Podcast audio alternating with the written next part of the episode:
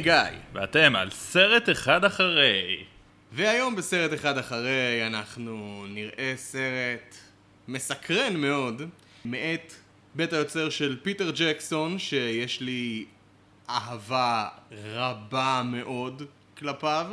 הסרט נקרא Mortal Engines או בשמו העברי ערי טרף. הוא הגיע לא מזמן לנטפליקס ואנחנו חשבנו לתת לו בדיקונת קטנה. אמ, טוב, אז מה יחסיך לפיטר ג'קסון? או יותר נכון, מה יחסיך לשר הטבעות? כי let's get real, אפילו שהוא עשה הרבה דברים, הוא שר הטבעות. מבחינתי שר הטבעות זו טרילוגיית הסרטים הטובה ביותר שנעשתה אי פעם. וואו וואו וואו, יותר כן. טוב מדובונה אכפת לי? יותר מדובונה אכפת לי וואו, אפילו. אני יודע, וואו. אני יודע. שני הצריכים ודובונה אכפת לי שתיים הם בתחרות די קשה על אה, הסרט אה, ההמשך הטוב ביותר. אה, ברמה שלהם כמעט ניתן למצוא את שליחות קטלנית 2 ואת האימפריה מכה שנית. אבל אה, כן, התחרות היא די קשה. תראה, שר הטבעות זה אולי הפרויקט הכי שאפתני בקולנוע המודרני.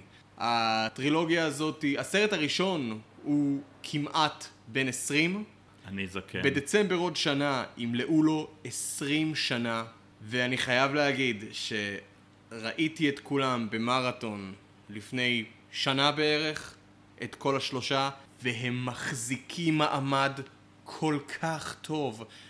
שר הטבעות שיבת המלך הוא מבחינתי הסרט הטוב ביותר של כל הזמנים. כל תהליך ההפקה וטרום ההפקה של שלושת הסרטים האלה היה משוגע ומושקע.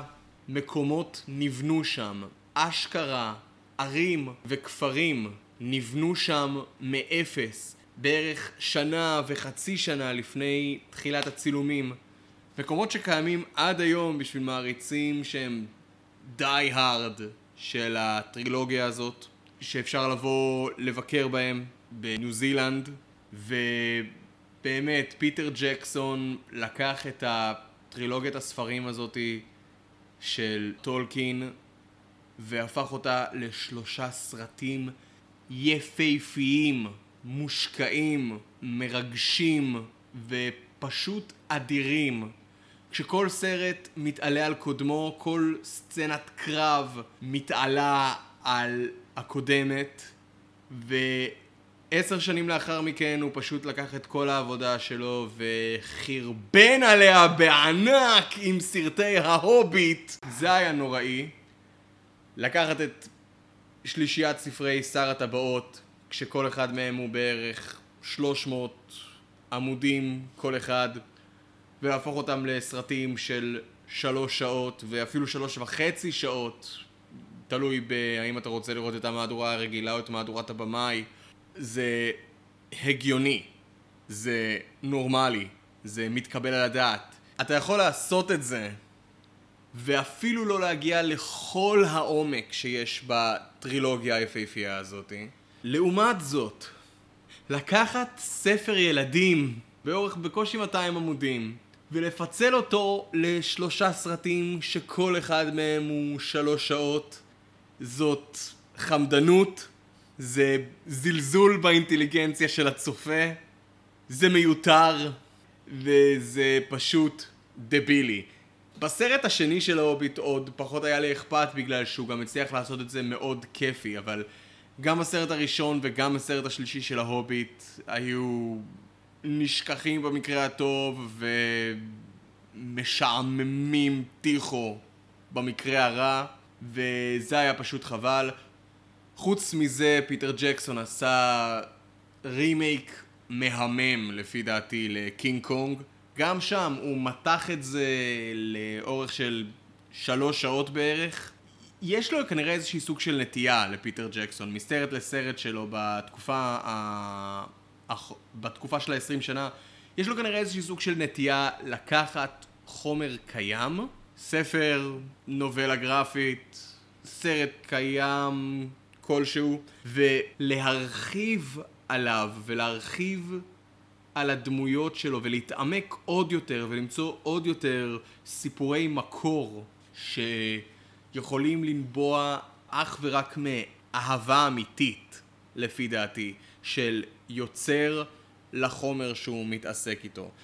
זה יכול לעבוד באופן מדהים, כמו שראינו בטרילוגיית שר הטבעות ובקינג קונג, וזה יכול להיכשל בענק, כמו שראינו בסרטי ההוביט. Mortal Engines שאנחנו עומדים לראות מבוסס למעשה על סדרת ספרי נעורים בסגנון דמדומים ומשחקי הרעב, שמתרחשת בעולם פוסט-אפוקליפטי, עם טוויסט של סטימפאנק.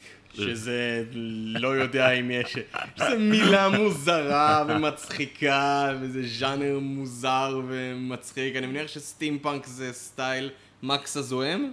כן. כזה? כן. אני לא אה, חושב שיש לזה מילה בעברית, אז אני, לא, אני לא מניח נראה לי. שגם פה הוא פשוט ייקח את החומר הקיים ופשוט ירחיב כמה שאפשר, למרות שהפעם הוא לא על כיסא הבמאי. לא, הוא לא. מי שמביים את הסרט הזה הוא אחד שקוראים לו קריסטיאן ריברס, שבעצם לא ביים סרט של ממש, אבל הוא כן, היה לו הרבה תפקידים מאוד חשובים מאחורי הקלעים בסרטים כמו שר הטבעות, בסרטים כמו קינג קונג, אפילו הסרט הראשון של נרניה, כל שלושת סרטי ההוביט, ו... עוד כמה סרטים שפר אני לא מזהה, אבל בכולם הוא היה אה, בתפקיד של או המפקח של האפקטים המיוחדים, או של האנימציה, או שהוא היה הבמאי של היחידה השנייה של הצילום. זה מעניין מה שאתה אומר, כי יש יחסים מאוד מורכבים עם שר הטבעות. אני לא יודע כמה מזה נכון כלפי הסרט הזה ספציפית, מורטל אנג'נס, אבל סרטי שר הטבעות יצאו כשעוד הייתי ילד ביסודי, ואז אני זוכר שלא אהבתי אותם. לא חשבתי שהם רעים. אבל אני זוכר שחשבתי שהם פשוט היו רציניים מדי. האסתטיקה שם הייתה מאוד בוגרת, כנראה שלא הייתי בגיל הנכון, ויותר מזה אני זוכר שפשוט לא יכולתי לשאת כמה הסרטים ארוכים. אני ממש זוכר, היה לנו, אה, בפעם הראשונה שראיתי את הסרט הראשון של אה, שר הטבעות, זה היה ב-DVD, זוכר את ההמצאה הזאת? כן.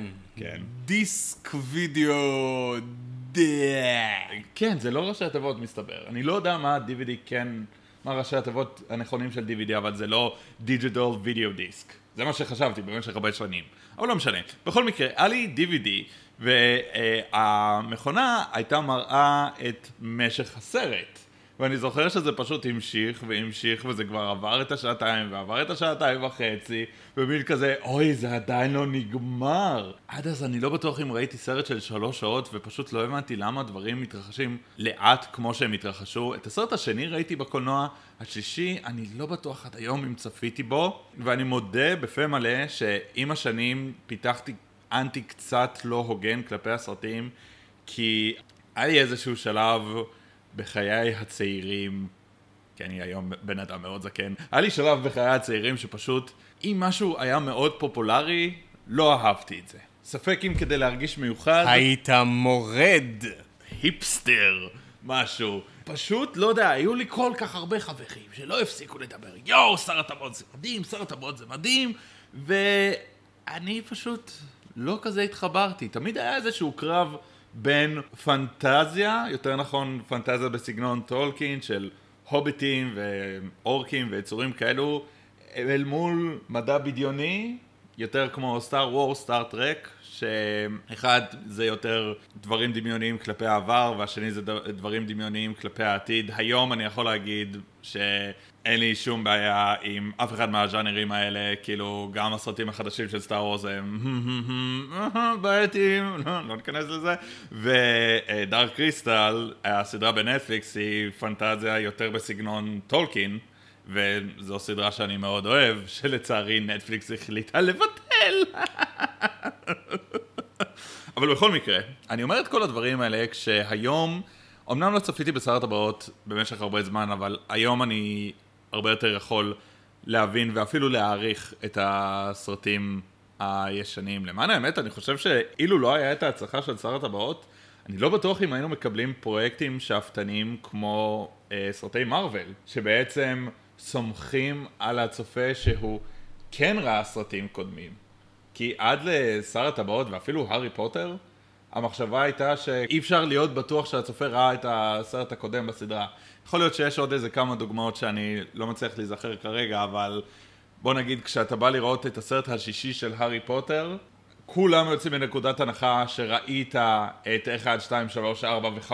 כי אם אתה מתחיל מהשישי אתה לא מבין כלום ממה שאתה רואה. אם יורשה לי להמשיך ולטפוח על הכתף של שר הטבעות, לא שהוא צריך ממני עוד טפיחות על הכתף, אבל מה שהוא באמת עשה עם הסרטים האלה, הוא העלה את הרף בכל מה שקשור לאפיקנס ולמילה אפי בקולנוע. מהבחינה של אני היום ממליץ לך בגלל שהסרטים האלה לא תוכל לראות אותם בקולנוע ובגלל שאין קולנוע זה להשיג את הסרטים האלה ולראות אותם שוב על המסך הכי גדול שאפשר בגלל שזה פשוט יפהפה בכל מה שקשור להיקף של צילומים של מקום, כמות הפירוט כמות ההשקעה בנוף, בקרבות, בהכל.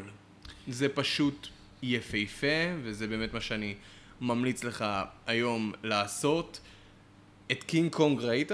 של פיטר ג'קסון? לא, לא, לא ראיתי. אני כן ראיתי את הסרט המקורי של קינג קונג. יש איזה סיפור על פיטר ג'קסון שכשהוא היה ילד, הוא ראה בפעם הראשונה את קינג קונג משנות ה-30, והוא כל כך התלהב שהוא פשוט צילם את זה מחדש, אה, ושחזר את הסרט הזה במצלמת ה Super Eight הביתית וואלה. של ההורים שלו, ומאז היה לו אובססיה לעשות את הסרט הזה מחדש.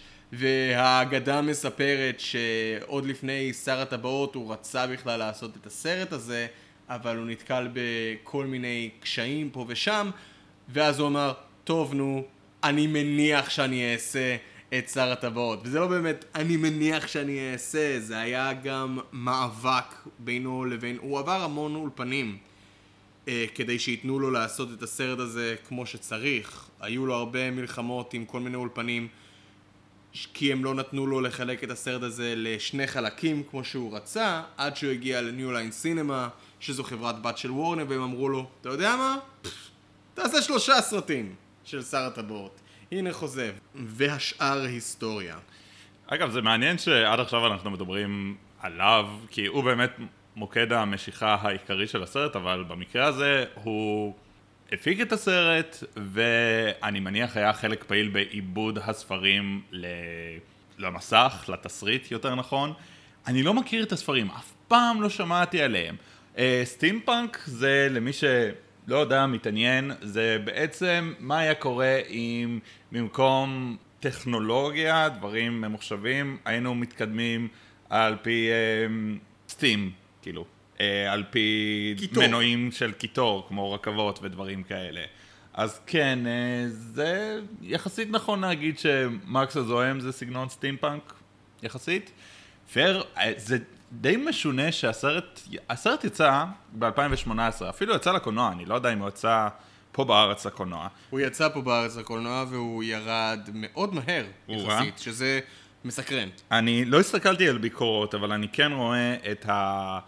אמ, כמה כסף גרף בקופות, לפחות לפי ויקיפדיה, ונראה שהוא אפילו לא החזיר את התקציב שלו, שזה היה בין 100 ל-150 מיליון, אה, כנראה הסרט גרף רק במרכאות. אתם לא רואים, אבל אני עושה מרכאות עם האצבעות. אתם לא רואים את זה, אבל הוא כרגע כן. עף לתקרה עם התנועת קיפוץ הזאת ועם המרכאות שהוא עשה. נכון. אה, מזל שנחתתי ממש בשקט. בכל מקרה, רק 80 מיליון דולר, שזה יפה, אבל כשמישהו משקיע 100 מיליון דולר, הוא לא מצפה להחזר של 100 מיליון דולר, הוא מצפה להחזר של 300 מיליון דולר. שזה גם מאוד מפליא בכל הקשור לפרויקט שפיטר ג'קסון מעורב בו, בגלל ש... בין אם זה סרטים שהמבקרים מהללים ומשבחים ושהפכו לתופעה, כמו שר הטבעות, שכמובן וכמובן שהם החזירו את ההשקעה שלהם. ובין אם זה סרטים כמו סרטי ההוביט, שקיבלו תגובות פושרות במקרה הטוב, הוא עדיין החזיר את ההשקעה. וכמובן עם קינג קונג הוא החזיר את ההשקעה. אז פה לראות מין סוג של פלופ כזה, זה מאוד מעניין. עד כמה שאני יודע זה גם לא הפלופ היחידי שמר אה, ג'קסון היה מעורב בו, אבל רק בגלל שהסרט לא החזיר את התקציב שלו, לא אומר משהו על האיכות שלו. אחד הסרטים שאני הכי אוהב זה סקוט פילגרים נגד העולם, וזה פלופ מפורסם. סקוט פילגרים היה פלופ? כן. ה marketing שלו היה קצת משונה, הרבה אנשים, כולל אני, אז לא באמת הבינו, וכן, זה סרט קצת נישתי ו- ומוזר, והוא היה מאוד יקר להפקה, אז כן, הסרט נחשב פלופ לכל דבר ועניין. אה, שמעתי שמועות שכן רוצים לעשות סרט המשך או משהו בסגנון, אני לא יודע, אני שמח שהסרט קיים. אוי, ו- שלא ייגעו בסקוט פילגרים, שיעזבו אותו בשקט, תנו לו להתיישן כמו יין טוב ואל תמשיכו אותו לעולם. מבחינתי, כל ניסיון להמשיך את מה שאנחנו ראינו בסרט הקודם של סקוט פילגרים, יהיה בגדר כישלון. אבל נחזור ל Mortal Engines. פרט לעובדה שמדובר בעולם סטימפאנק פוסט-אפוקליפטי, הסרט מציע טוויסט נוסף, שלמעשה לונדון היא מכונה, מה? היא למעשה רכב ענקי מה? בעולם של רכבים ענקיים שכל אחד מהם מייצג עיר אחרת והיא מנסה בעצם לשרוד בשממה הפוסט-אפוקליפטית. אין לי מושג, ממה שאני ראיתי ב... ב... בטריילר לפחות, פשוט רואים מכונה אדירת ממדים בגודל של כמה אצטדיוני פוטבול ובגובה של 40 מגדלי עזריאלי שפשוט שועטת לה ברחבי השממה ואז מישהו שואל What is that? ומישהו אחר עונה לו That's England שזה מוזר מאוד, מסקרן מאוד זה חבל דק מאוד ללכת עליו. אין לי ספק שאנחנו נראה פה המון מסרים פוליטיים, מה גם שלפני שלוש או ארבע שנים אנגליה פרשה מהאיחוד האירופי, אה, אז אני מאמין שזה יתכתב באופן מסוים עם המאורעות האלה, וסך הכל אני מצפה לסרט אקשן סולידי לכל הפחות. אני מצפה פה למשהו מאוד יומרני, כי בכל דבר שקשור בו פיטר ג'קסון אתה מצפה ל epicness מסוים. אז מאוד מסקרן אותי לראות האם פה הוא בעצם קפץ מעל הפופיק, או שהוא הצליח להביא פה סרט אקשן סולידי לפחות. עידן, מה הציפיות שלך מהסרט? אה, אה, אני לא יודע. אני... יש כל כך הרבה דברים. מצד אחד, הסרט הזה נחשב פלופ, אבל מצד שני, קשורים אליו שמות גדולים, ומצד שלישי זה הסרט הראשון ש... כאילו, זה הסרט הראשון שאותו במאי בעצם מביים, אבל זה היה אותו דבר בנוגע ל-Extraction. שגם אז זה היה בן אדם שהיה מעורב בכל מיני חלקים שונים של מאחורי הקלעים, ופעם ראשונה שהוא מביים סרט, וזה היה תענוג. Extraction הוא היה אחראי על הפעלולים, ולכן כן. אתה רואה שכל סצנת אקשן היא משובחת. ופה זה בן אדם שהיה, למען האמת, אחראי על הרבה דברים, היה אחראי על אפקטים, על אנימציה, על ממש בימוי של ה... אני מניח second unit, אה, אז אני, אני אגיד לך מה, אני מנסה להיכנס לזה כמה שיותר בראש פתוח. אני מצפה שלכל הפחות ה production design, כל העיצוב הוויזואלי יהיה יפהפה, ומעבר לזה, לא יודע. בוא נראה מה העלילה, אני בקושי יודע אפילו מי השחקנים שנמצאים שם, על מה, כל מה שאני יודע זה שזה על סטימפאנק וזה שזה על אנגליה, מעבר לזה אין לי מושג. אגב, עובדה אחת לא ידועה, Mortal Engines לא היה הכותרת המקורית של Mortal Kombat, אין שום קשר. Mortal Engines בעברית ערי טרף. אנחנו עכשיו הולכים לבדוק את הסרט המאוד מסקרן והמאוד מוזר הזה. אנחנו נחזור אליכם עם רשמים בקרוב.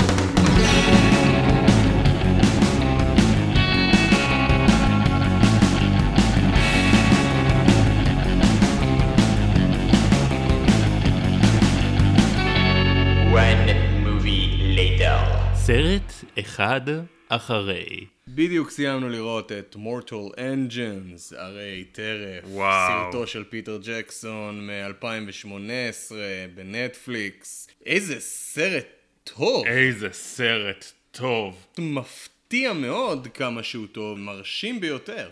ככה, למי שאפילו יש רבע עניין בסרט, אני אסכם את דעותיי ממש במהרה, שווה לצפות בזה. הסרט הוא שעתיים ועשר דקות, ההתחלה שלו משונה, אבל ברגע שתופסים את העניינים, אז באמת מדובר בפנינה שלא כדאי לפספס, זה אני אומר למי שלא רוצה לדעת למה הוא נכנס. משונה ומרשימה. נכון. They're starting off with a bang, אם אני יכול להוסיף. זה נכון. אמ, אז לפני שניכנס קצת יותר לעומק ונגיד מה דעותינו, בוטום ליין, כדאי לצפות בזה, ועצם העובדה שמדובר באחד הפלופים הכי גדולים בהיסטוריה של הוליווד, זה לא פחות מטרגדיה. ועכשיו, אחרי שאמרתי את זה, וואו, אימא'לה ואבא'לה! סרט מרשים מאוד, כמו שמצופה מפיטר ג'קסון. מדובר בהיקף גודל ענק, הכל בסרט הזה ענקי בטירוף. בעולם פוסט-אפוקליפטי, שבו הלוחות הטקטוניים של כדור הארץ רוסקו, תרבויות נופצו, מעט התרבויות שנותרו שורדות, וערי העולם שנשארו לשרוד, שורדות על ידי זה שהן מבדלות את עצמן מהשאר, חלקן הופך למה שנקרא ערי טרף. ממש לקחו עיר שלמה, לקחו את לונדון ופשוט שמו אותה על גלגלים. עיר ענקית משונעת. עיר ענקית בגודל מאוד גדולה. מאוד גדולה, אי אפשר כאילו להסביר כמה זה גדול. פשוט אשכרה, כמו שאתם יכולים לדמיין את זה, לקחו את לונדון, נתנו לה גלגלים, ועכשיו בעצם לונדון היא מכונת ציד, השמדה וסיפוח? מישהו? אמר קולוניאליזם. אני לא אמרתי את זה. והיא בעצם, פשוטו כמשמעו, צדה תרבויות אחרות שגם משונעות על ידי גלגלים ועל ידי אנרגיית קיטור, ולמעשה לוקחת משם את מה שהיא צריכה, מספחת את התושבים מהעיר שהיא טרפה במרכאות, את מה שהיא צריכה, החומרים החשובים, היא שומרת במוזיאון, את האזרחים היא מגייסת לעבוד, ואת מה שהיא לא צריכה היא מפרקת לכדי דלק שיגרום לה להמשיך לנוע קדימה, וכך הלאה וכך הלאה. הטכנולוגיה הזאת היא הולכת וגוססת לאיטה בגלל שפשוט לא נותרו לה עוד תרבויות לטרוף, ולכן המהנדס הראשי, או ה... מה בעצם התפקיד של יוגו וויבינג בסרט הזה? אמ, אם אמרו לא לגמרי הבנתי, הוא איש מפתח. הוא יכול להיות המהנדס הראשי, או אה, לא יודע, יש לו איזשהו תפקיד מפתח שהוא לא ראש העיר. ולמעשה מה שהוא רוצה לעשות זה לקחת טכנולוגיית נשק עתיקה במרכאות, נשק אלקטרומגנטי, מה שבעצם גרם לציוויליזציה שאנחנו מכירים להיכחד, והוא רוצה פשוט להשתמש בנשק הזה בשביל לכבוש את אחת הערים שהחליטו להישאר במקום ולחיות מאחורי חומה. שם הם אגרו משאבים טבעיים, והוא רוצה בעצם להשתמש בנשק הזה בשביל לפרוץ את החומה ולקחת את מה שלונדון צריכה בשביל להתקיים. הוגו וויבינג פעם נוספת נכנס לנעליים של הנבל והוא עושה את זה כמו שמתאים להוגו וויבינג בסטייל, באופן משכנע והביצוע שלו מצליח להעביר את המורכבות של האיש הרע בסיפור מעבר לפשוט להיות רשע מרושע. מעבר לזה הסיפור הוא מאוד מסובך. אני לא אנסה אפילו לתאר מה קורה שם כי פשוט הרבה דברים קורים. אבל uh, יש שם כמה דברים שהם פשוט מרתקים. בשום שלב אי אפשר באמת להיות בטוחים מה עומד לקרות. יש איזשהו אנטגוניסט ראשי ויש את הגיבורים הראשיים, אבל על הדרך הם פוגשים אנשים ובשום שלב לא ברור אם מי שהם עומדים לפגוש הוא uh, ידיד או אויב. לא לגמרי ברור מה המטרה של יוגו וויבינג, של הנבל הראשי. אמ, ובאופן כללי יש בניית עולם, ותוך כדי הצפייה בסרט עולות כל מיני שאלות שאני לא יודע אם לזה התכוון המשורר.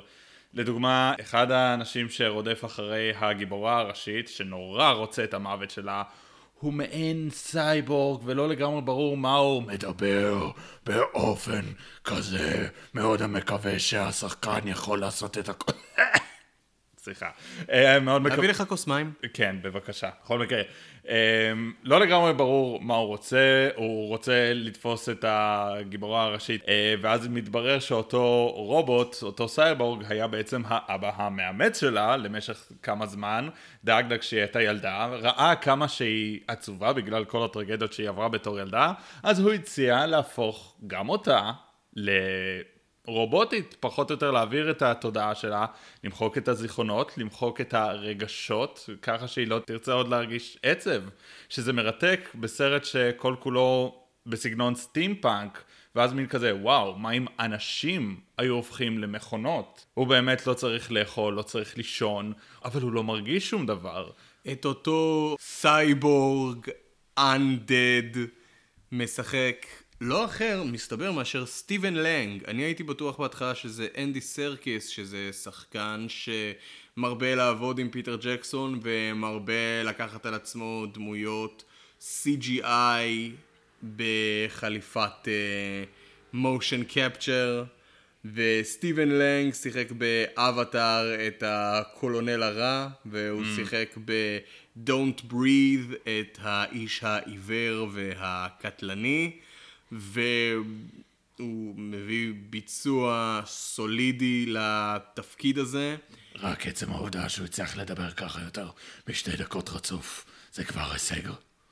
זה ממש ממש לא קל. אני, בתור מדבב אני צריך לעשות חימום קולי כל פעם, לפני ואחרי שאני נכנס לאולפן הקלטות, בשביל להפיק את הקול הזה באופן רציף ובלי להפסיק, וגם אז הגרון שלי פשוט הורג אותי אחרי שאני עושה את זה, אז כל הכבוד לו. כמו שאמרנו, אה, הסרט מרשים ביותר, הוא לא מושלם, אחד מהפגמים העלילתיים והחורים העלילתיים הגדולים בו הוא שקשה מאוד, מסתבר, להרוג את הדמויות שם.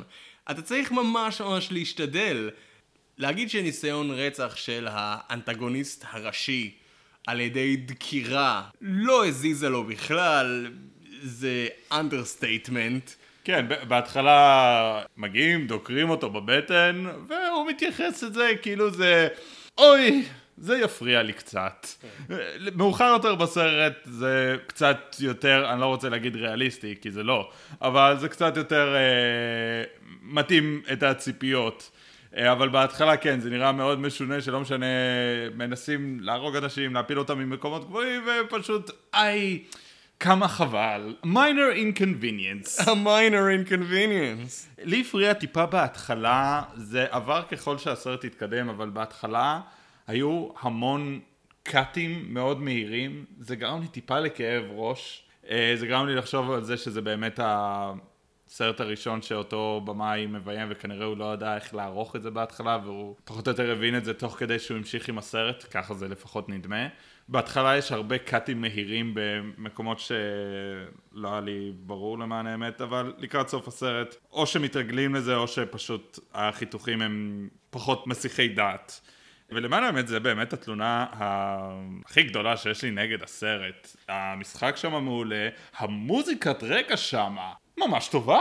היא באמת נשמעת אפית. זה סיפור גדול, וזה היה סיכון ענקי עבור כל הצדדים שלקחו בו חלק, וזה כל כך חבל ש...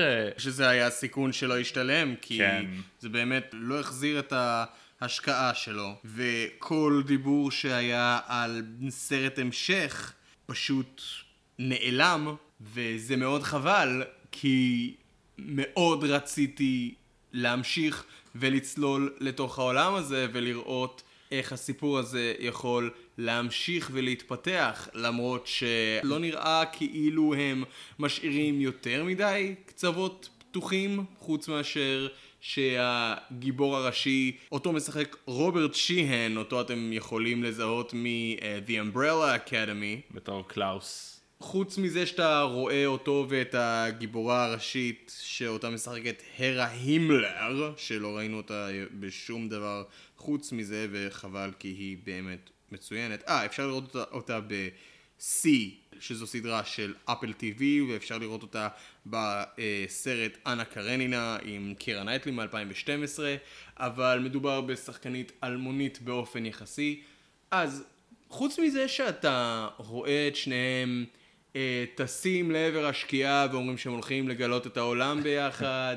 אתה לא ממש רואה שהם השאירו קצוות פתוחים לסרט המשך, שזה נחמד בהתחשב בזה שלא יהיה סרט המשך, כי הסרט פשוט לא עשה כל כך הרבה כסף ופשוט נחשב לפלופ. אתה יודע, זה מעניין, כי הסרט מבוסס על הספר הראשון מסדרה של ארבעה ספרים. לא ברור לי אם הם דחסו את ארבעת הספרים לסרט אחד, או אם זה עיבוד ממש נאמן למקור ואחרי זה יש עוד סיפורים, או שהם עשו כל כך הרבה שינויים בין הספר לסרט שכדי שלזה יהיה סוף מוגדר. אני לא יודע, לא שמעתי על, הס... על הסדרה הזאת בכלל עד לפני סד... כמה שעות. סדרת הספרים הזאת נכתבה על ידי פיליפ ריב, והסרט הזה הוא לפי תסריט שכתבו פיטר ג'קסון המפיק, פליפה בויאנס שעבדה איתו על שר הטבעות ופרן וולש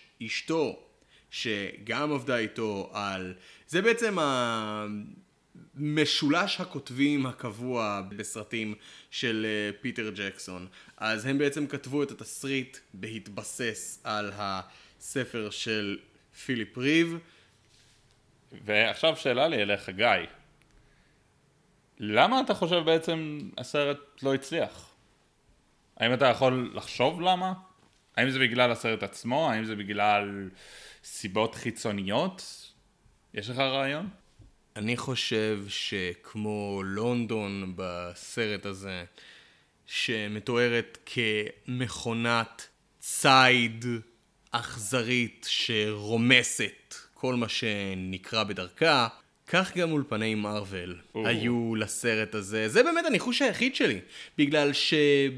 אתה יודע, הסרט הזה עם כמה שהוא יצירתי ומפתיע ומביא משהו חדש ומגניב ומרענן, כנראה מעולם לא היה לו סיכוי בעידן בו הסרטים ששולטים בקופות הקולנוע הם הסרטים של מארוול, איזה סרטים של מארוול ואפילו DC יצאו באותה, באותה תקופה? ובכן, אני מסתכל עכשיו בעמוד של זה בוויקיפדיה, זה יצא באותו יום כמו הסרט The Mule, שלא שמעתי עליו. סרט של קלינט איסטווד. ספיידרמן into the spider verse. אנחנו מתחילים לקבל פה איזשהו סוג של מושג. ונה נה נה נה נה, וזה יצא באותה שנה שגם סרטים כמו מרי פופינס חוזרת, במבלבי ואקוומן יצאו. אוקיי, זהו, מעולם לא היה לו סיכוי. וואו. מעולם לא היה לו סיכוי. אה, והבה לא נשכח, 2018, יצא שם אה, סרט אלמוני קטן, זניח בשם הנוקמים מלחמת האין סוף. Yeah, יכול להיות שאולי שמעתם על זה. שמע, זה עצוב לי. הם, אתה יודע, כי הרבה אנשים אומרים שאוי, חבל שלא עושים יותר דברים מקוריים, חבל שהם מלהקים תמיד את אותם האנשים ומביאים את אותם הרעיונות ועושים סרטים מאוד דומים, וגם אני אשם בזה, אני מת על סרטי גיבורי על, שלא גם אני, לגמרי. אבל הנה, יש פה סרט בלי שחקנים ידועים, כאילו, הכי, מדי. יד... הכי ידוע פה זה היוגו ויבינג, שעם כמה שהוא שחקן נהדר, הוא לא בדיוק הבן אדם שיביא את הקהל. והוא באמת הבן אדם הכי מוכר בכל העסק. מקום שני אחריו, אני חושב, זה קלאוס מה Umbrella Academy, וגם אז לא כזה מוכר. השאר, זה היה הפעם הראשונה שאני רואה אותם, לא זיהיתי אף אחד אחר. הכוכב הכי גדול בסרט הזה באמת הוא פיטר ג'קסון, אבל, ובאמת בכל הפרסומות, בכל ה promotions לסרט הזה מאוד דחפו את השם של פיטר ג'קסון, כי הוא באמת האדם הכי גדול בכל הפרויקט הזה, אבל זה לא באמת סרט שלו, והנה, כשזה יצא באותה שנה שיש דברים ידועים ומפורסמים, כמו אה, הנוקמים, כמו אקוואמן, מרי פופינס. הסרט פשוט לא היה לו מזל, מכיוון שהוא פשוט יצא בתקופה הכי לא טובה עבור סרט מסוגו.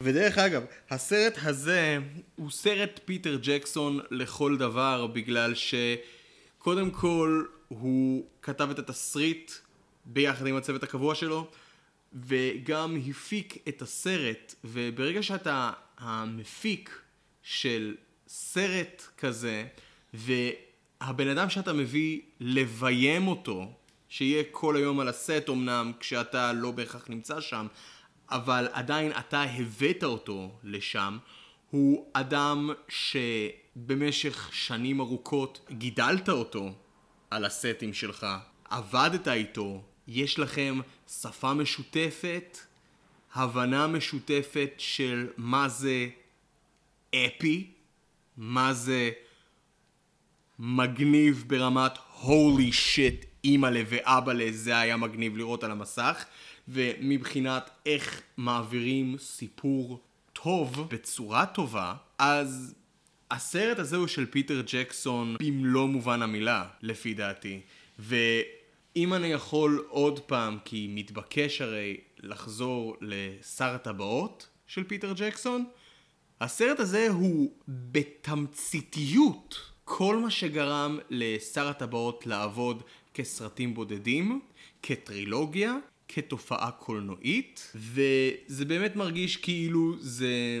לקחו את כל זה ודחסו את זה לכדי שעתיים פלוס סרט, בשביל להראות מה הכוח שהוא פיטר ג'קסון עדיין יכול לעשות בקולנוע. וזה כוח מאוד מרשים, אבל באמת חבל שהוא לא עשה את הכסף ולא המריא כמו שהוא יכול היה להמריא אולי בשנה אחרת, אולי בעידן של post Endgame. Um, שאלה קשה טובה. לדעת, בגלל שקצת אחרי עידן Endgame וספיידרמן Far From Home, מרוויל לא הוציאו אף סרט לקולנוע, בגלל שפעם פעם פעם, קורונה. איי. זה באמת חבל, כי אתה רואה נגיד סרט כמו Spider Verse שהוא סרט מאוד משונה בכל ה landscape של סרטי גיבורי על. הנה, סרט משונה וטוב. משונה ומעולה. ומדהים. הרבה אנשים מתייחסים לסרט הזה בתור ספיידרמן המצויר, ויש עדיין סטריאוטיפ על סרטים מצוירים שהם יותר מתאימים לילדים, שזה באמת לא הוגן עבור Spider Verse ספציפית, כי פשוט לפסול אותו ולהגיד, אה, זה סרט ילדים. אני זה באמת חושב פספוס." שהמיתוס הזה נשבר מזמן. אה, לצערי הוא עדיין קיים, ולצערי אני חושב שזה אחד מהסיבות למה הרימייקים של אה, דיסני עוד עדיין מצליחים, כי יש הרבה אנשים שעדיין יש להם את המחשבה של אם זה מצויר, אם זה אנימציה, אז זה לילדים, והנה בוא נעשה את היפה והחיה לא באנימציה, רק שרוב מזה זה כן אנימציה, רק אנימציה מסוג אחר, אבל לא משנה, לא נזכיר את זה פה. אמ, וזה באמת חבל שבעידן של הימורים בטוחים, כשיש משהו שלא מבוסס, כי מורטל אנג'ין, אתה יודע, זה לא שם ענק בעולם, זה לא סדרת ספרים שסחפה את העולם. אני לא שמעתי על זה. אולי בקרב קוראי ספרים זה דווקא כן היה קצת יותר עניין, אבל גם אז אני די בטוח שהחוג הזה לא היה רחב מספיק כדי באמת למשוך את הקהל אל בתי הקולנוע. אני לא בטוח אם גם שר הטבעות, הארי פוטר ב- ב- לחלוטין כן. שר הטבעות גם היה הימור וזה היה הימור שהשתלם, גם לשר הטבעות לא היו שמות גדולים מדי, רוב האנשים שמפורסמים שם התפרסמו בגלל שר הטבעות. פיטר ג'קסון הסביר את זה בסרט מאחורי הקלעים, שאפשר לראות במהדורה המורחבת של אחד הסרטים. הוא ידע שעם שר הטבעות, ברגע שהוא קיבל את האור הירוק, הוא מתחיל פרויקט שאפתני, גדול מהחיים, שיימשך לתקופה ארוכה מאוד. של זמן. לא הרבה יודעים את זה, אבל שלושת הסרטים האלה צולמו באותו הזמן, בתור סרט אחד הענק, לפני שחתכו אותם לשלושה סרטים, ולפני שהוציאו את המהדורות המורחבות, והוא אמר, אם אני עכשיו יוצא להרפתקה כזאת שתימשך מספר שנים, אני רוצה איתי אנשים שמעבר לזה שהם יהיו שחקנים טובים, שהם יהיו בני אדם שכיף איתם, כיף לעבוד איתם, וכיף לבלות איתם אחרי שמסיימים את יום הצילומים. מפורסמים יותר, מפורסמים פחות, לא אכפת לי. ואכן, השחקנים שם התפרסמו רק אחרי הסרטים האלה. וזה בדיוק, אתה יודע, זה העלה עוד נקודה. כאילו, מה היה קורה אם לאף אחד לא היה אכפת מהסרט הראשון של שר הטבעות? לא היו טורחים אפילו לסיים לערוך, לעשות את האפקטים לשני, ובטח שלא לשלישי. או אפילו שאלה יותר, מה אם שר הטבעות לא היה יוצא בשנה שבה הוא יצא, שגם בשנה שבה הוא יצא היה לו מתחרה די כבד, הארי פוטר ואבן החכמים, אחרי זה הארי פוטר וחדר הסודות, אבל באמת נשאלת השאלה, אם הוא היה מוציא את הסרטים האלה היום, בעידן אולפני מארוול, שהם למעשה אולפני הסרטים ששולטים ביד רמה בהוליווד, איך הסרט היה מתקבל, האם הוא היה מצליח באותה מידה. כנראה שפשוט באמת, לכל סרט יש את הזמן הנכון שלו, וזה לא מספיק לעשות סרט טוב, אתה צריך כנראה גם לדעת מתי להוציא אותו. וזה חבל, זה כרגע זה נראה שאם אין לך משהו מוכר שהקהל מזהה באופן ישיר, כנראה אנשים פשוט לא יבואו לראות את הסרט שלך, כמו שאני, אני לא יודע אם Mortal Engines יצא לבתי קולנוע בארץ, אם כן, לא ראיתי אפילו לא פיסת פרסום, וגם אם הייתי רואה פרסום כלשהו, ככל הנראה לא הייתי הולך לראות את זה, כי וואלה היה לי יותר דחוף לראות Spider uh, Verse. אני וחברה שלי ראינו פרסומת לזה בזמן שישבנו ב... וראינו פרסומות לסרט באולם איימקס ואמרנו וואו, אנחנו חייבים לראות את הסרט הזה, הוא נראה משוגע. וכנראה פשוט פספסנו את השבוע וקצת שבו הוא שוחרר והוקרן באולם איימקס, ש... אליו אני תמיד הייתי הולך בשביל לקבל חוויית קולנוע גדולה מהחיים, וכנראה שאני פשוט הרגשתי שאם זה כבר לא באיימקס, אז אין טעם ללכת לראות את זה בקולנוע. אה. שזו מחשבה כנראה פסולה. במבט לאחור, אתה יודע, עכשיו כשאין קולנוע ועכשיו כשאני כל כך מתגעגע לחוויה הזאתי, של לראות סרט עם עוד אנשים על מסך ענק ועם רמקולים מפוצצים, אז אני קצת מצטער שלא ניצלתי כל הזדמנות שהייתה לשבת בקולנוע, אבל היי, מי ידע? אני מכיר את הפילוסופיה, נראה לי גם דיברנו על זה פעם קודמת. להרבה אנשים יש הסכמה שלקולנוע הולכים עבור סרטים עתירי אפקטים. ובבית רואים סרטים קטנים יותר, קומדיות, דרמות, כבר שמעתי את המשפט הזה, כן זה סרט טוב אבל לא שווה קולנוע. אני חושב שאם סרט טוב הוא עובד גם על המסך הקטן וגם על המסך הגדול. כן, בקולנוע הדברים גדולים יותר, אבל אם יש סרט שעובד, הוא עובד. אמ, ולכן אישית אני לא קונה את העניין הזה של לא יודע, אה, זה לא שווה קולנוע, או עדיף לראות את זה בקולנוע ולא בבית, זה הפילוסופיה שלי. אה, אני לא חושב, אם את או אתה חושבים ככה, נהדר. אני פשוט לא ב mindset כזה, וזה אפילו עוד יותר טרגי, שדיסני פרסמו לאחרונה שהם כנראה עומדים לשחרר את כל הסרטים שלהם ישירות לסטרימינג, כמו שהם עשו עם מולן, כמו שהם עומדים לעשות עם הסרט סול של פיקסאר, וכנראה גם עם בלק ווידו ושאר פרויקטים שהיו אמורים לצאת לקולנוע וכנראה יצאו ישירות לשירות הסטרימינג שלהם, שנכון להיום עדיין לא זמין בארץ. אז אין לי אופציה לראות את הסרטים האלה חוץ מדרכים לא חוקיות. דיסני בבקשה, אני רוצה לתת לכם את הכסף שלי ולראות את הסרטים האלה. תנו לי את האפשרות. אז לסיכום. לסיכום, מורטל אנג'נס, ערי טרף, מדובר בסרט ממש ממש טוב, מאוד מרשים, לא חף מבעיות, אבל הן באמת זניחות לנוכח התוצאה הסופית. אין הרבה סרטים כאלה, וחבל, וכנראה גם לא יהיו הרבה סרטים כאלה, ולנוכח כל מה שאנחנו אמרנו, שבזה אפשר להאשים את הוליווד וגם אותנו בתור צופים, אז אה, באסה בשבילנו. אני uh, תהיתי מה יהיה בסרט, האם יהיה לזה production design יפהפה, והתשובה היא חד משמעית כן. Uh, רציתי לגלות למה הוא הפסיד כסף, אני יכול רק לשער, uh, אני מניח שבאמת העיתוי שהוציאו אותו היה העיתוי הלא נכון, ומדובר על פנינה uh, שלא כדאי לוותר עליה. אז עד לפעם הבאה, אני הייתי עידן. אני הייתי גיא. תודה רבה שהייתם איתנו על סרט אחד אחרי. יאללה ביי.